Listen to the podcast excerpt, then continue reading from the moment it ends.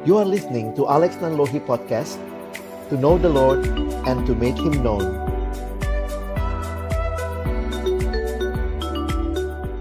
Kami sungguh berterima kasih untuk cinta kasih dan anugerahmu yang sungguh nyata bagi kami. Kembali hari ini Tuhan kumpulkan kami bersekutu memuji, memuliakan namamu dan tiba waktunya bagi kami untuk membuka firman-Mu. Kami mohon ya Tuhan ketika kami membuka firman-Mu, bukalah juga hati kami. Jadikanlah hati kami seperti tanah yang baik. Supaya ketika benih firman Tuhan ditaburkan boleh sungguh-sungguh berakar, bertumbuh, dan juga berbuah nyata di dalam kehidupan kami.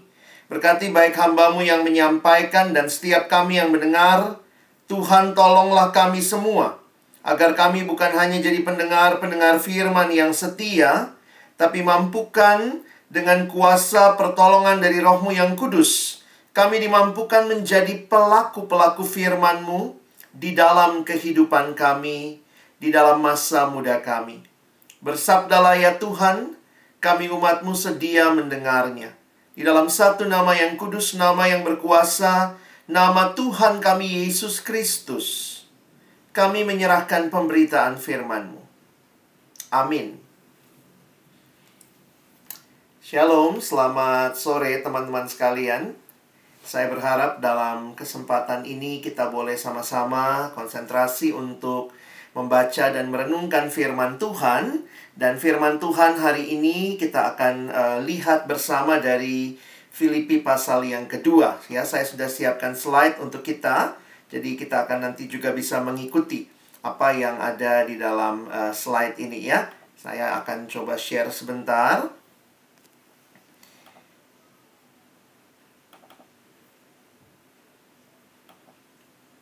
Iya, baik. Hari ini kita bicara tentang work out your salvation. Nah, mungkin ini jadi satu bagian yang uh, menandai juga bagaimana kita memahami iman kita, iman kekristenan kita. Jadi saya berharap waktu kita belajar bersama, mari kita coba mengevaluasi bagaimana kita meresponi akan hal ini situasi pandemi secara khusus juga yang masih belum selesai ini menjadi satu bagian yang adalah realita kehidupan kita juga orang beriman. Semua harus terjadi di rumah, ada yang bekerja dari rumah, ada juga yang ya teman-teman tentunya ya studinya dari rumah begitu ya. Nah, tapi bagaimana kita melihat juga pandemi ini sudah menjadi satu fenomena yang oh, bukan fenomena aja ya, realita yang kita alami sebagai umat Tuhan.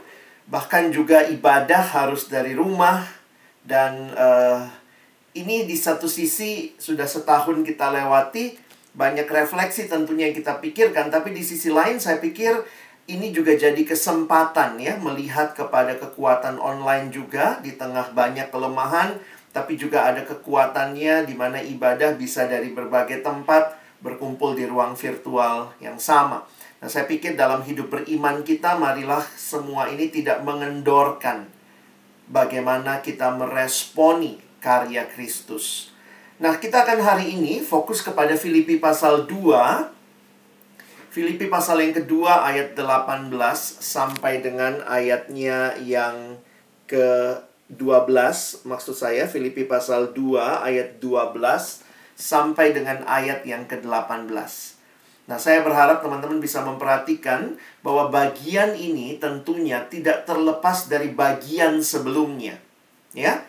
Filipi pasal 2 ayat yang pertama sampai ayat yang ke-11 dengan jelas Paulus bisa menyatakan bagaimana kemuliaan Kristus yang dia sampaikan di dalam Filipi pasal 2 ya. Bagaimana teladan Kristus yang menderita itu menjadi teladan yang luar biasa. Apalagi kalau kita tahu ada konteks ya, ada dua konteks paling tidak waktu kita baca Filipi. Yang pertama adalah konteks tentang adanya pengajar-pengajar sesat. Ya, teman-teman nanti bisa perhatikan di dalam Filipi pasal yang ketiga nanti dalam bacaan kita mungkin selanjutnya. Nah, tapi di sisi yang lain juga kita melihat ada masalah kesehatian yang terjadi di dalam jemaat dengan adanya dua orang perempuan di pasal 4 ayat yang kedua. Kita bertemu dengan Eudia dan Sintike yang dinasehatkan Paulus, nampaknya kedua perempuan ini sedang berada dalam ke ketidakharmonisan. Karena itu Paulus terus mendorong mereka, ayolah sehati sepikir, ayolah kalian lihat Kristus yang rela merendahkan diri demi kepentingan orang lain. Karena itu kalau kita perhatikan Filipi pasal 2 ayat 1 sampai 11, teladan Kristus, pujian kepada Kristus dinaikkan oleh Paulus dan merindukan kiranya jemaat Filipi benar-benar mengalami ya meneladani Kristus berarti juga mengerti apa artinya kerendahan hati. Nah, selanjutnya ayat 12 sampai 18 mari kita perhatikan ya. Abang sudah tuliskan semua ayatnya di slide. Hai saudara-saudara yang saudara-saudaraku yang kekasih, kamu senantiasa taat. Karena itu, tetaplah kerjakan keselamatanmu dengan takut dan gentar, bukan saja seperti waktu aku masih hadir, tetapi terlebih pula sekarang waktu aku tidak hadir. Karena Allah lah yang mengerjakan di dalam kamu baik kemauan maupun pekerjaan menurut kerelaan kerelaannya. Lakukanlah segala sesuatu dengan tidak bersungut-sungut dan berbantah-bantahan, supaya kamu tiada beraib dan tiada bernoda sebagai anak-anak Allah yang tidak bercela di tengah-tengah angkatan yang bengkok hatinya dan yang sesat ini. Sehingga kamu bercahaya di antara mereka seperti bintang-bintang di dunia. Sambil berpegang pada firman kehidupan, agar aku dapat bermegah pada hari Kristus bahwa aku tidak percuma berlomba dan tidak percuma bersusah-susah.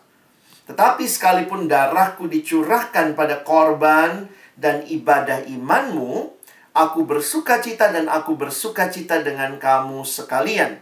Dan kamu juga harus bersuka cita demikian dan bersuka citalah dengan aku. Nah, apa yang Paulus nasihatkan kepada jemaat di dalam bagian ini?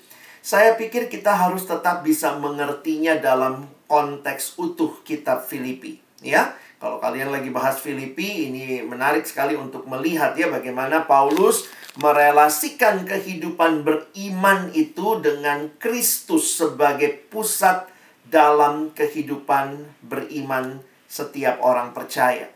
Dan bagaimana karya Kristus itu sesuatu yang sangat menarik karena berbeda dengan agama-agama yang lain, berbeda dengan kepercayaan yang lain, pusat dalam kekristenan adalah Kristus. Relasi dengan Kristus. Kekristenan bukan sekadar agama, kekristenan bukan sekadar ritual, Kekristenan bukan sekadar kumpulan pengajaran, walaupun di dalamnya ada ritual, di dalamnya ada pengajaran, tetapi kekristenan adalah relasi yang hidup dengan Allah melalui Yesus Kristus. Karena itu, orang Kristen, orang yang percaya pada Kristus, percaya pada apa yang Kristus lakukan bagi kita di dalam kekristenan keselamatan adalah anugerah. Bukan apa yang saya lakukan bagi Allah, tetapi apa yang Allah lakukan bagi saya. Saya pikir kita sudah jelas akan konsep itu ya. Kalau saya bisa mengusahakan sesuatu dan saya selamat karena hal itu, berarti siapa juru selamatnya? Oh, saya dong. Kan saya melakukan sesuatu dan karena sesuatu yang saya lakukan saya selamat, saya juru selamatnya. Tetapi kekristenan berkata bukan, bukan kita juru selamatnya, tapi Kristuslah juru selamatnya. Karena itu mari kita clear dulu ya sebelum kita masuk lebih jauh bahwa keselamatan itu adalah apa yang Kristus lakukan bagi saya. Bukan apa yang saya lakukan bagi Kristus, tidak keselamatan apa yang Kristus lakukan bagi manusia, bagi kita, dan kita selamat karena percaya pada apa yang Kristus lakukan bagi kita. Lalu bagaimana menempatkan tentang perbuatan baik dan ketaatan? Saya pikir ketika kekristenan berkata kita tidak diselamatkan karena perbuatan baik, bukan berarti perbuatan baik tidak perlu. Tetapi perbuatan baik punya tempatnya sendiri. Perbuatan baik bukanlah syarat supaya selamat. Tidak. Perbuatan baik tidak menjadi syarat supaya selamat, tetapi perbuatan baik adalah respon karena sudah selamat. Nah, Abang harus jelaskan ini dulu karena ayat berikutnya yang nanti kita akan masuk itu jelas sekali bicara konsep keselamatan yang clear. Saya ulangi. Kekristenan berbicara perbuatan baik bukanlah sebuah syarat supaya selamat.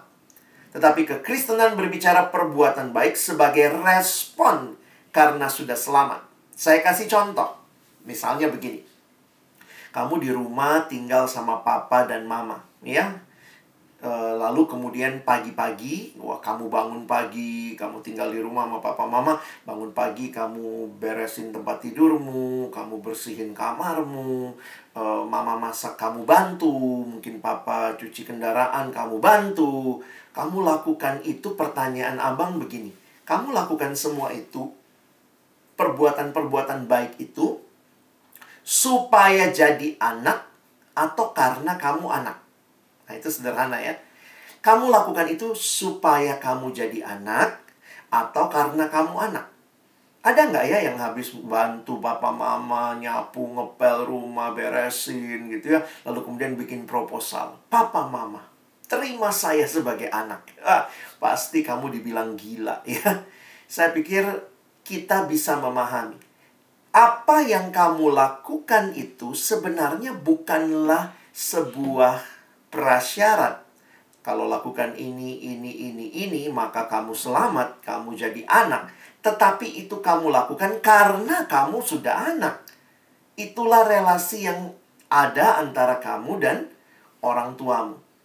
Nah, dengan kira-kira ilustrasi yang sama, maka perhatikan kita selamat bukan karena melakukan perbuatan baik, Jangan pikir kamu dan saya selamat karena rajin baca Alkitab. Kalau begitu juru selamat kita Alkitab dong. Bukan. Kita selamat hanya karena karya Kristus di kayu salib. Dan karena Kristus telah menyelamatkan kita, kita sekarang adalah anak Allah, maka kita baca firman-Nya sebagai respon. Karena kita adalah anak. Anak yang rindu terus berelasi dengan Bapaknya, maka kita baca firman-Nya.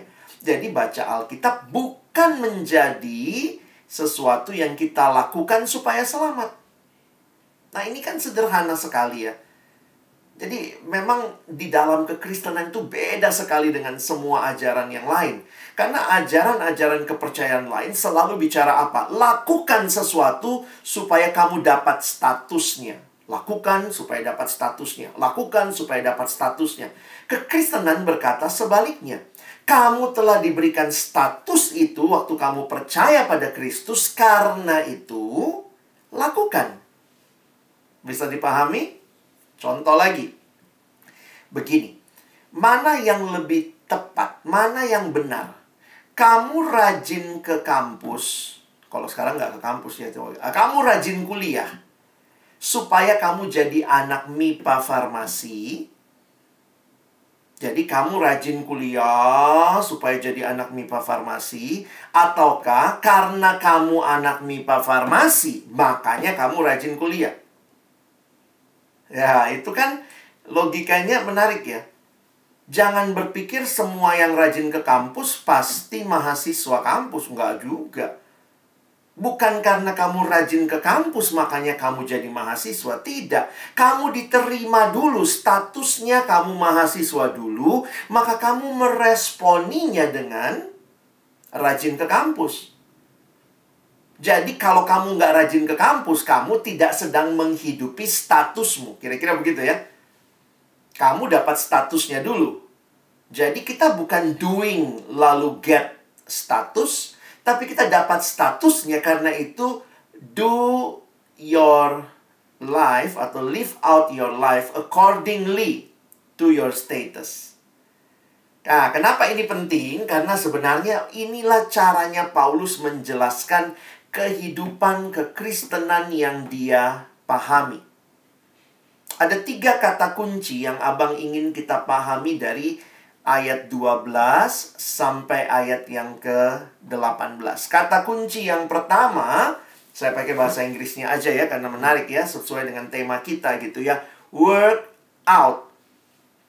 Nah, kalau teman-teman perhatikan dalam bahasa Indonesia nggak kelihatan kata work out ya, tetapi perhatikan kerjakan keselamatanmu. Sekali lagi, perhatikan bukan kerjakan keselamatanmu atau kerjakan supaya kamu selamat. Tidak. Tetapi kamu sudah selamat. Itu kira-kira konsep yang Paulus mau sampaikan. Karena itu kerjakan keselamatanmu. Respon dari orang yang sudah selamat adalah menghidupi keselamatan itu. Atau pakai bahasa Paulus di sini adalah kerjakan keselamatanmu. Bukan berarti keselamatan dicapai karena kita mengerjakan sesuatu. Tidak.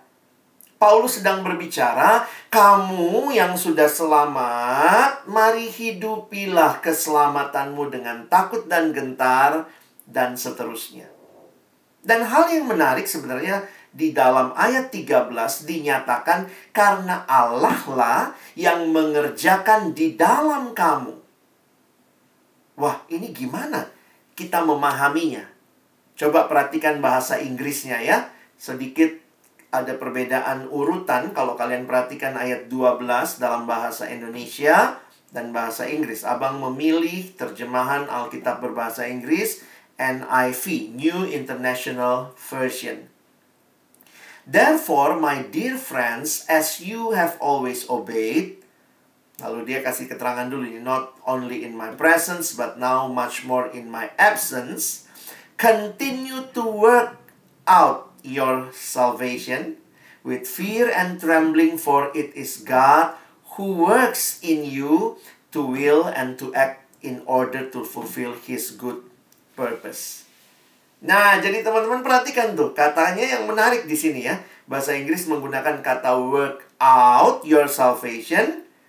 But why atau uh, how can we work out our salvation? Because God is already works in you.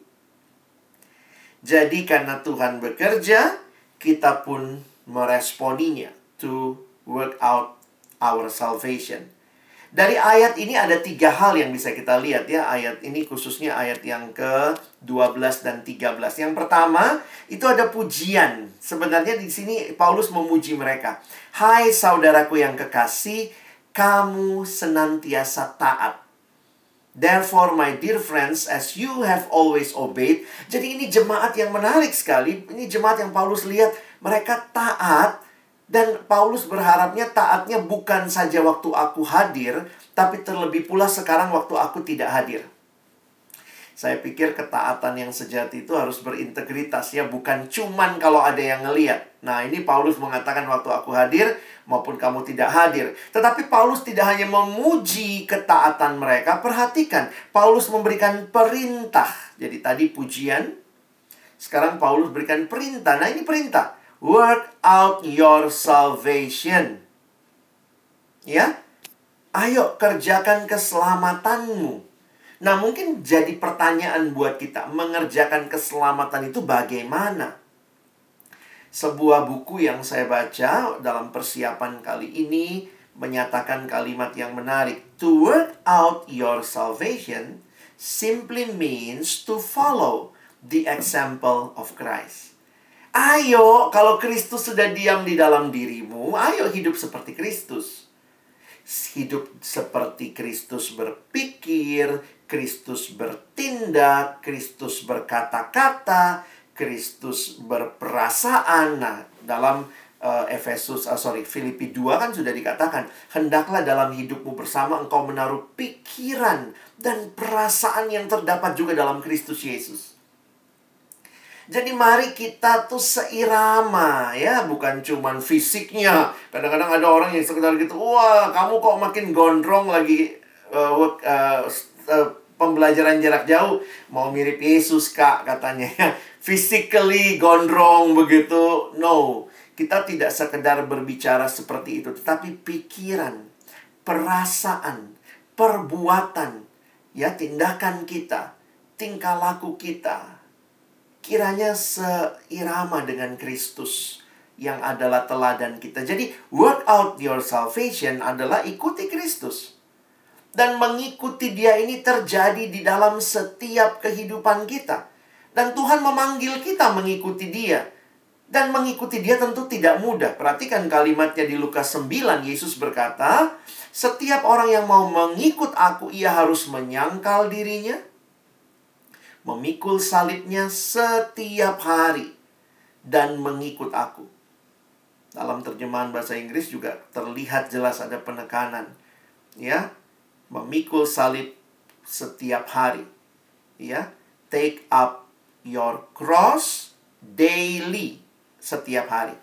Nah, jadi teman-teman, kita dipanggil oleh Paulus dalam bagian ini apa? Ayo, kamu yang sudah selamat, hidupi keselamatan itu. Nyatakan bahwa kamu adalah orang yang telah diselamatkan, miliki kehidupan yang selaras dengan Kristus. Saya tidak tahu ya setelah kita ada di rumah PJJ seperti ini sekian lama apakah kita makin mirip Yesus ya? Sebenarnya nggak ada alasan teman-teman ya. Aduh, habis bosen sih kak. Ya, saya harus katakan ya, jangan-jangan kebosanan kita dari iblis loh.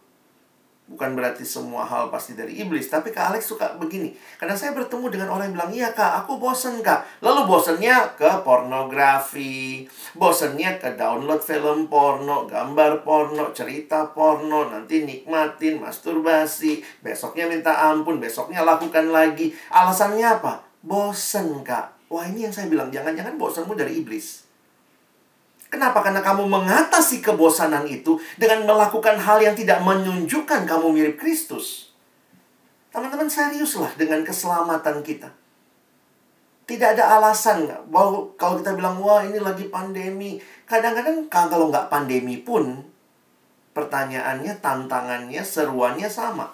Kita makin mirip Kristus nggak? Bagaimana hidup rohanimu selama engkau ada di dalam situasi yang katanya memang tidak mudah ini ya. Saya pikir kerohanian kita jangan tenggelam hanya karena situasi sulit. Tapi mintalah Tuhan tolong saya bangkit dari situasi-situasi hidup yang ini bukan hal yang seharusnya ya.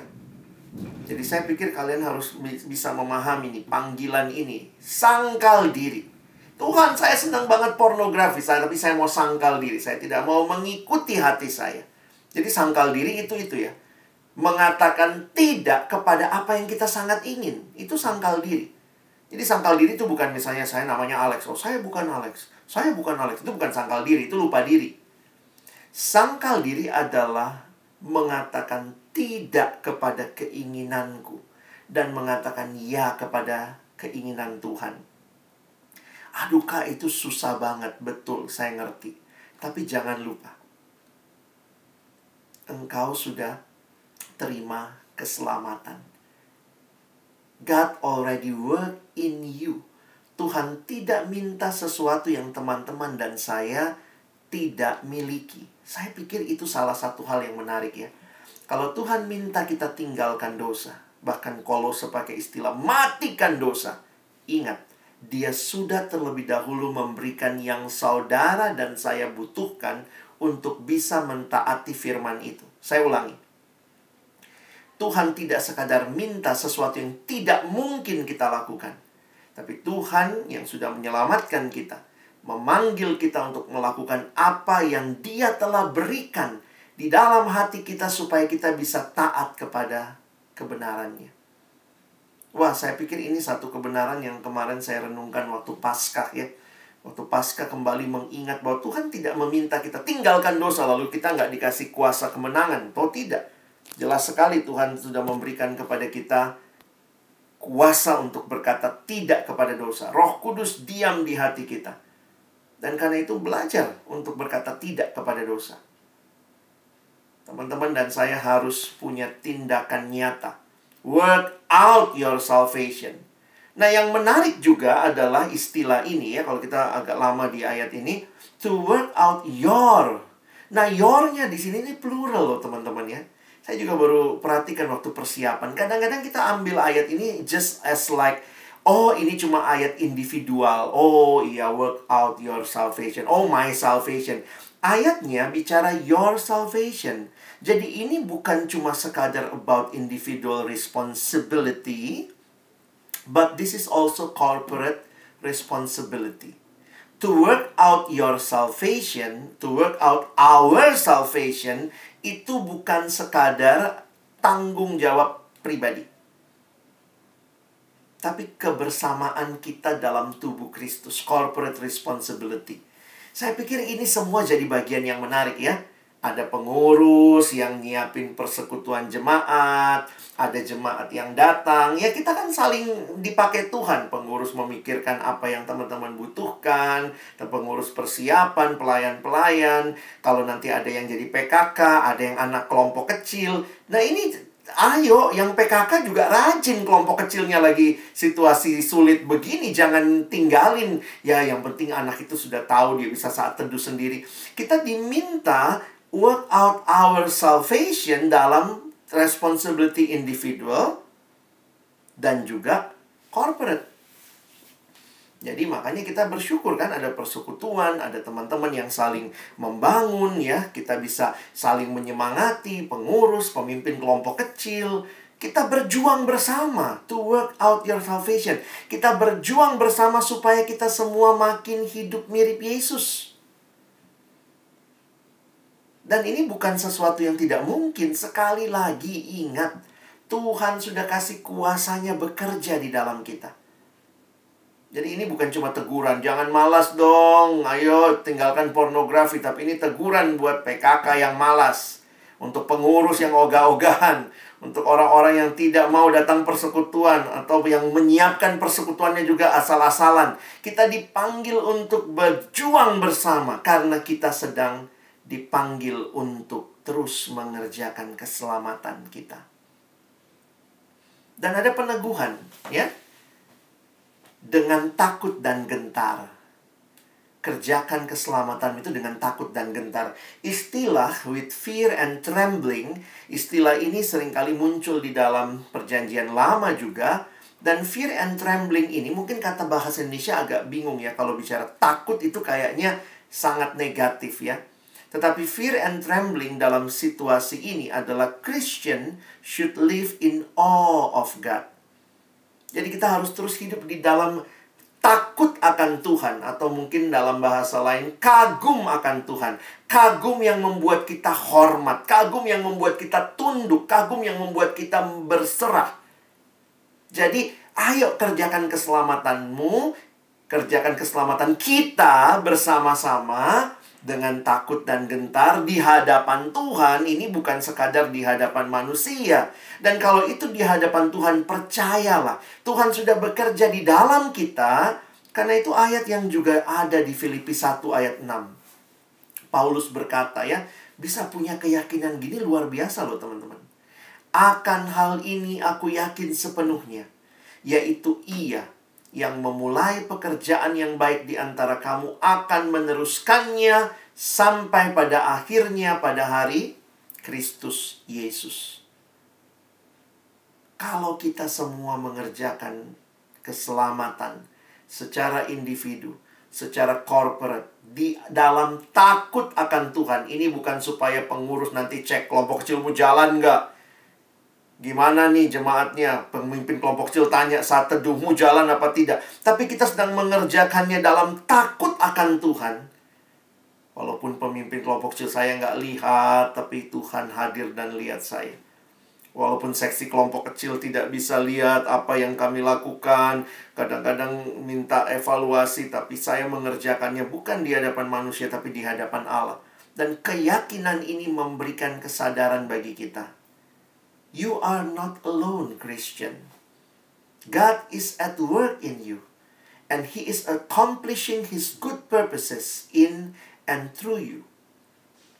Ingat, God is at work in us to will and work for His good pleasure. Wah, saya waktu tulis kalimat ini, teman-teman, saya jadi berdoa begitu ya. Tuhan tolong ya, supaya sore hari ini semua kita sadar ya kita itu diminta untuk mengerjakan keselamatan di tengah-tengah situasi yang saat ini juga tentunya tidak mudah. Dan Tuhan sudah kasih semua yang kita butuhkan. Dia kasih roh kudus diam dalam kita. Dia kasih komunitas yang berjalan bersama kita. Ayo kita berjuang bersama dalam takut akan Tuhan. Dan perspektifnya jelas. Tuhan yang memulai, dia sanggup menyelesaikan sampai akhir. Nah, bagaimana kita meresponi ini ya? Coba kita evaluasi lagi. Kita makin setia kah? Makin malas kah?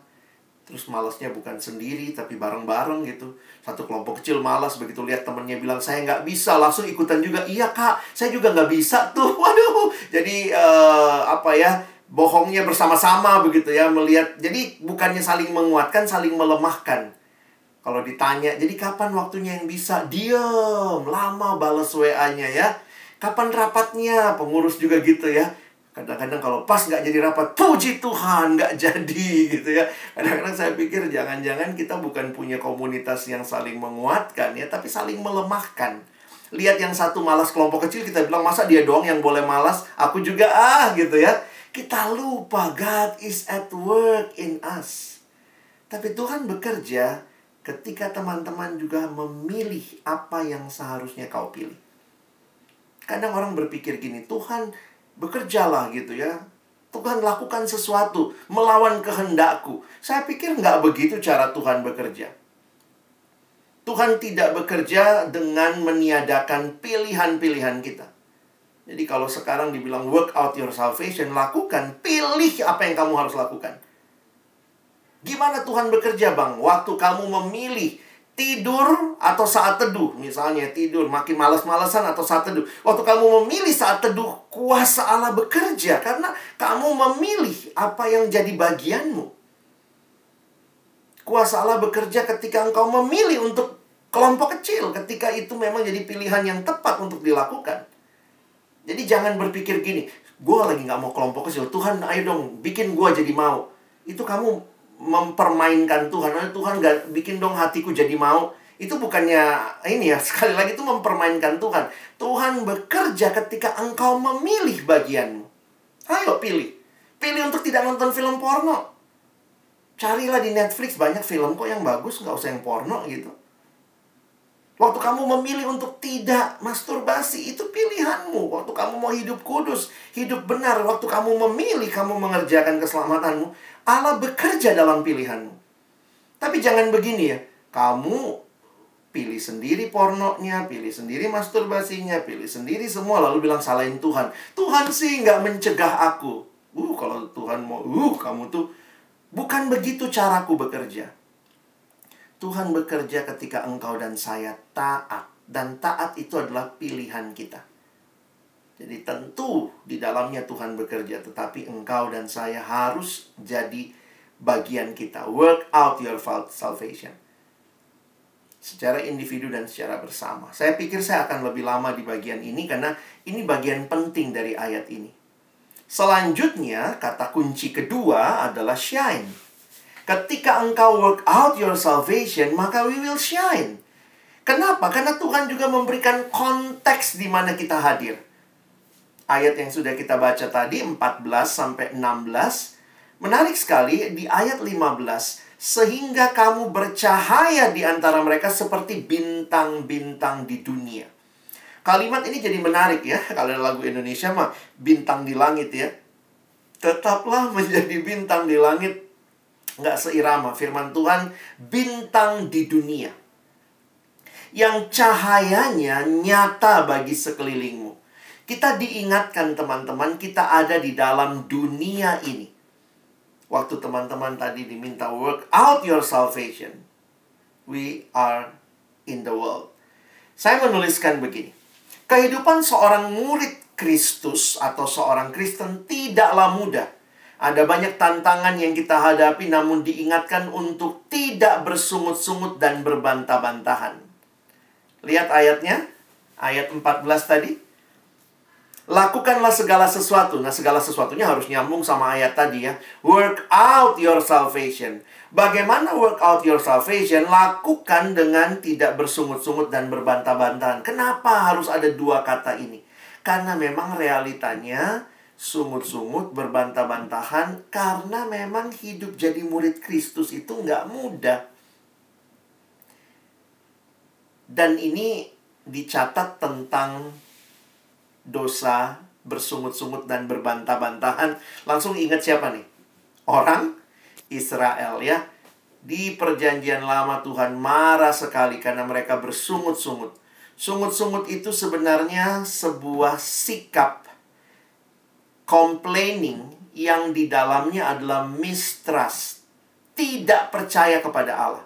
Saya pikir bukan berarti kita nggak boleh evaluasi kalau ini nggak benar atau nggak baik gitu ya. Kita nggak bukannya nggak boleh menilai hidup kita, tetapi bersungut-sungut adalah sebuah sikap tidak percaya kepada Allah, meragukan Allah. Karena itu kalau kalian perhatikan, we should avoid grumbling because it's offensive to God. Grumbling is an awful sin.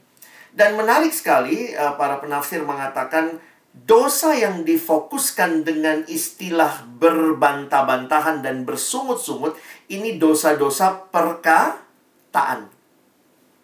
Jadi hati-hati dengan perkataanmu. Work out your salvation, tapi sering kali waktu kita mungkin punya pergumulan ya.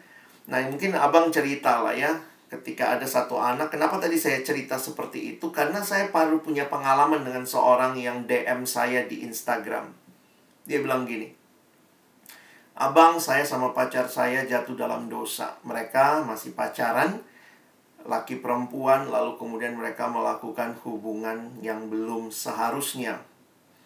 Dan mereka bilang, kami minta ampun bang di hadapan Tuhan. Oke. Lalu kemudian di akhir percakapan kami tiba-tiba dia ngomong begini. Tuhan kok izinkan saya ketemu dia ya bang? Hah? Ini maksudnya apa? Kenapa Tuhan izinkan saya ketemu dia? Tuhan kan tahu dia lemah, saya lemah. Begini deh jadinya. Saya bilang, kamu yang memilih ketidaktaatan. Sekarang kamu salahin Tuhan. Nah ini ya, ini yang saya bilang uh, tadi ya. Kamu yang tidak memilih yang benar, lalu ketika kamu tidak memilih yang benar, ketika kejadiannya ke sekarang kamu merasa bersalah, kamu merasa hina, lalu kamu salahkan Tuhan dengan alasan kenapa Tuhan tidak cegah. Hey, nah ini nih, bersungut-sungut dan berbantah-bantahan, sebenarnya jadinya saya pikir hati-hati. Karena sungut-sungut dan berbantah-bantahan sebenarnya hanya mengeluarkan kalimat-kalimat yang menyatakan Tuhan nggak baik. Tuhan tidak peduli sama saya. Tuhan biarkan saya. Tuhan tidak sayang sama saya. Dan sering kali pergumulan hidup membuat kita apa-apa salahinnya Tuhan. Bukannya evaluasi diri, langsung Tuhan yang salah. Tuhan yang salah. Karena itu hati-hati dengan kata-kata. Karena kata-kata sebenarnya mewakili hatimu yang sesungguhnya. Kata-kata itu bukan hanya yang diucapkan ya, tapi sekarang kata-kata juga diperluas dengan apa yang kau tulis di Facebookmu, apa yang kau tulis di IG-mu, apa yang kau nyatakan, yang kadang-kadang saya lihat di situ terlihat jelas ya. Kita dilihat oleh dunia. Karena itu Paulus mengingatkan kepada jemaat, kamu harus bercahaya. Lakukanlah dengan tidak bersungut-sungut dan berbantah-bantahan. Supaya apa? Supaya kamu tiada beraib dan tiada bernoda sebagai anak-anak Allah yang tidak bercela di tengah-tengah angkatan yang bengkok hatinya dan sesat ini. Sehingga kamu bercahaya di antara mereka. Lalu ayat 16, sambil berpegang pada firman kehidupan. Betul-betul firman kamu pegang, itu jadi landasan hidupmu watch out your mouth. Kalau sekarang mungkin watch out your hand ya. Apa yang kau tulis, yang kau sampaikan. Biarlah ketika engkau belajar taat, meskipun gak mudah. Sulit, tapi keluarnya bukan sungut-sungut, tetapi sebuah syukur sama Tuhan, pujian kepada Tuhan, rasa kagum kepada Tuhan. Tuhan terima kasih Benar janjimu, waktu saya pilih yang saya harus pilih. Betul Tuhan kasih damai sejahtera. Abang juga bukan orang yang langsung jadi seperti ini ya. Pergumulan kehidupan lama saya dari SD kelas 5 sudah terjebak dengan pornografi. Kadang-kadang tuh pengen balik gitu ya. Karena itu Kita nggak seperti komputer ya bisa clean apa uh, format uh, D.2 semua hilang begitu ya. Apa yang pernah kamu lihat, yang pernah kamu nikmati, kamu pernah lakukan itu tertanam di bawah sadarmu. Sehingga terus bergumul gitu ya. Tapi ketika saya bertobat, ketika diingatkan bahwa ya belajar taat, taat itu belajar, pilih ketaatan. Dan dalam ketaatan itu ada sukacita, ada damai sejahtera. Tapi kadang-kadang tanya, Tuhan mana damainya? Tuhan mana kemenangannya? Ya, kayak Tuhan mau balik gitu, lu kagak milih terus berharap menang. Kita tuh kadang suka nggak serius sama hidup ya. Doanya Tuhan, kasih kesehatan, rokok jalan terus. Gimana? Tuhan juga bingung nolongnya gitu ya. Tuhan, kasih kekudusan, film porno download terus. Tapi waktu saya belajar memilih, ya saya belajar, Tuhan saya pilih untuk tidak ikutin yang saya suka, tapi yang kau suka Tuhan. Eh bener loh teman-teman, saya dapat damai, tenang gitu ya. Dan itu adalah sesuatu yang ya nggak nggak sebanding dengan yang saya nikmati hanya ketika saya nonton, lihat, masturbasi, nikmati semua selesai. Tapi saya boleh dapatkan ketenangan, kepuasan yang jauh lebih daripada apa yang ditawarkan. Hati-hati dengan perkataan kita. Hati-hati dengan mulut kita yang mungkin di dalamnya menyiratkan hati yang gak percaya kepada Tuhan. Dan ingat, apa yang kau katakan dilihat oleh orang lain. Didengar oleh orang lain. Karena itu Paulus ingatkan di Kolose ya. Wah, hendaklah kata-katamu senantiasa penuh kasih. Jangan hambar. Kalau kalian lihat terjemahan bahasa Inggrisnya, kata-kata kita harus salty ya. Jadi jangan pikir cuma garam dan terang itu kadang-kadang garam dan terang dalam perbuatan, dalam perkataan kita. Harus salty sehingga kamu tahu bagaimana harus memberi jawab kepada setiap orang. Tuhan mau kita jadi orang-orang yang memberitakan, tadi dibilang berpegang pada firman kebenaran. Jadi di tengah dunia kadang-kadang kan kita juga suka kecewa ya. Ya ikut Tuhan gua nggak nyontek, dia nyontek, nilainya lebih bagus, ngapain gue jadi ikut Tuhan kalau begini? Enakan jadi dia gitu ya, bisa lakukan apa yang dia mau. Kadang-kadang tuh hati kita tuh bergejolak gitu ya, pengen ikut Tuhan atau ikut dunia gitu. Dan mungkin jadi komplain terus. Tapi saya kutip kalimat seorang penulis namanya CJ Mahane. Dia bilang, Paul wants the church to be a proclaiming church, not a complaining church. Ya. Makanya dia bilang, berpegang pada firman kehidupan agar aku dapat bermegah pada hari Kristus. Lihat perspektif Paulus. Perspektifnya bukan saat ini. Saat ini mungkin begitu menderita, banyak pergumulan, tapi perspektifnya adalah hari Kristus yang akan datang. Akhir zaman. Perspektif kekekalan. Dan karena itu Paulus bisa melihat semua yang dia lakukan bagi jemaat Filipi tidak percuma dia berlomba dan tidak percuma bersusah-susah. Mungkin kalian bilang, wih Paulus sombong banget. Aku bermegah pada hari Kristus. Apa yang dia megahkan? Bagi saya kalimat ini menarik. Paul boasting will be a boasting in the grace of God. Dia memuliakan, dia memegahkan karunia Allah. Who work in his life and his labor and in the life of the Philippians. Itu yang dia bilang tadi kan di pasal 1 ya. Allah yang telah memulai pekerjaan baik di antara kamu akan melanjutkannya. Sehingga waktu dia katakan, aku akan bermegah. Saya yakin dia bukan bermegah karena, oh, Paulusnya. Tapi karena anugerah Allah. The Philippian fruitfulness will prove on the final day that he didn't run in vain. He tells the church to preserve in light of this eternal perspective. Kalau sekarang kamu lihat begitu sulit hidup benar, hidup kudus, kalau kamu lihatnya apalagi dibandingkan dengan dunia, ya begitu. Tapi kalau kamu lihat dalam perspektif kekekalan, waktu kekekalan nanti kita akan hidup dalam kebenaran, kekudusan, kebaikan. Dan waktu saya belajar taat, pilih yang benar, pilih yang baik, pilih yang kudus. Saya sebenarnya sedang mempersiapkan diri eternal perspective will shape our life now. Terakhir. Nah, yang terakhir Paulus mengatakan rejoice. Jadi kata kunci yang terakhir adalah rejoice. Pertama work out, yang kedua shining, work out your salvation you so you can shine and at the same time you can rejoice. Ini sebenarnya Paulus mau sharing ya. Sekalipun darahku dicurahkan pada korban dan ibadah imanmu, aku bersuka cita. Dan aku bersuka cita dengan kamu dan kamu juga harus bersuka cita demikian dan bersuka cita dengan aku. Bayangkan dua ayat empat kali kata bersuka cita.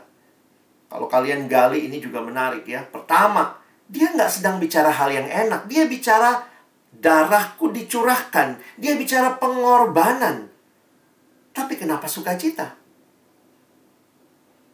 Bagi saya nyata sekali ya Nyata sungguh kasih Paulus yang besar bagi jemaat Filipi. Karena itu dia rela mati-matian bagi jemaat Filipi. Dan sukacitanya adalah ketika jemaat Filipi bertumbuh. Ini yang kira-kira dia katakan. Kata yang digunakan dalam bahasa aslinya, darahku dicurahkan pada korban, itu Paulus pakai istilah drink offering. Darahnya seperti persembahan minuman.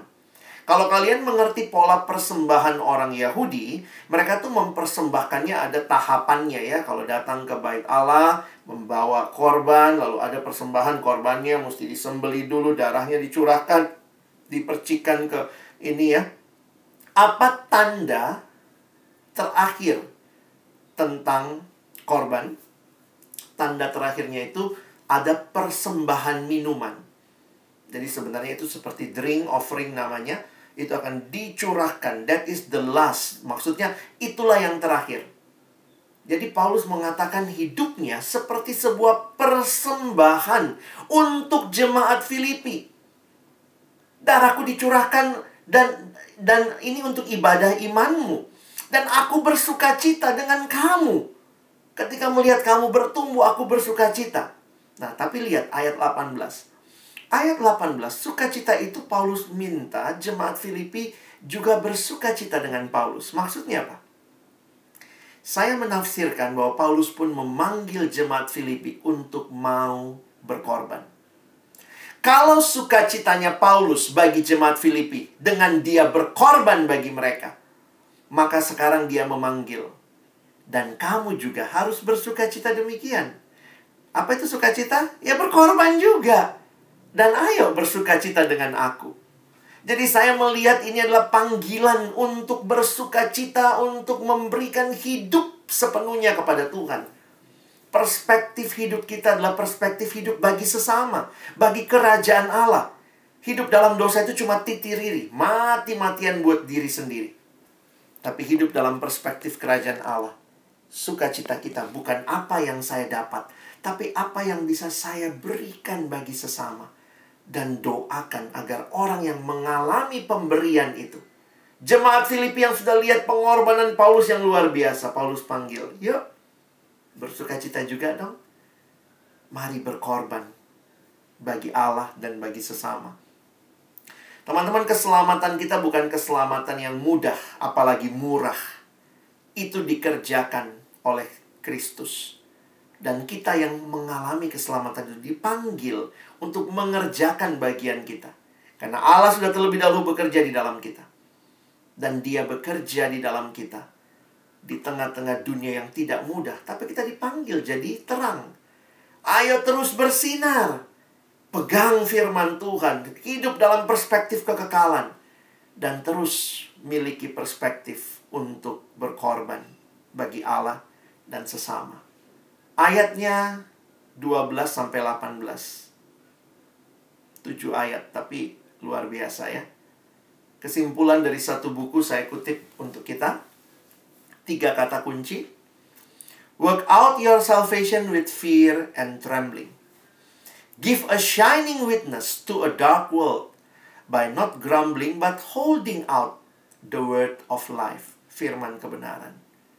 Rejoice through sacrificial service, rooted in the grace of God and anticipating the coming day of Christ Jesus. Kalau kita semua saat ini yang mendengar firman bisa aplikasikan ini dalam keseharian kita ya.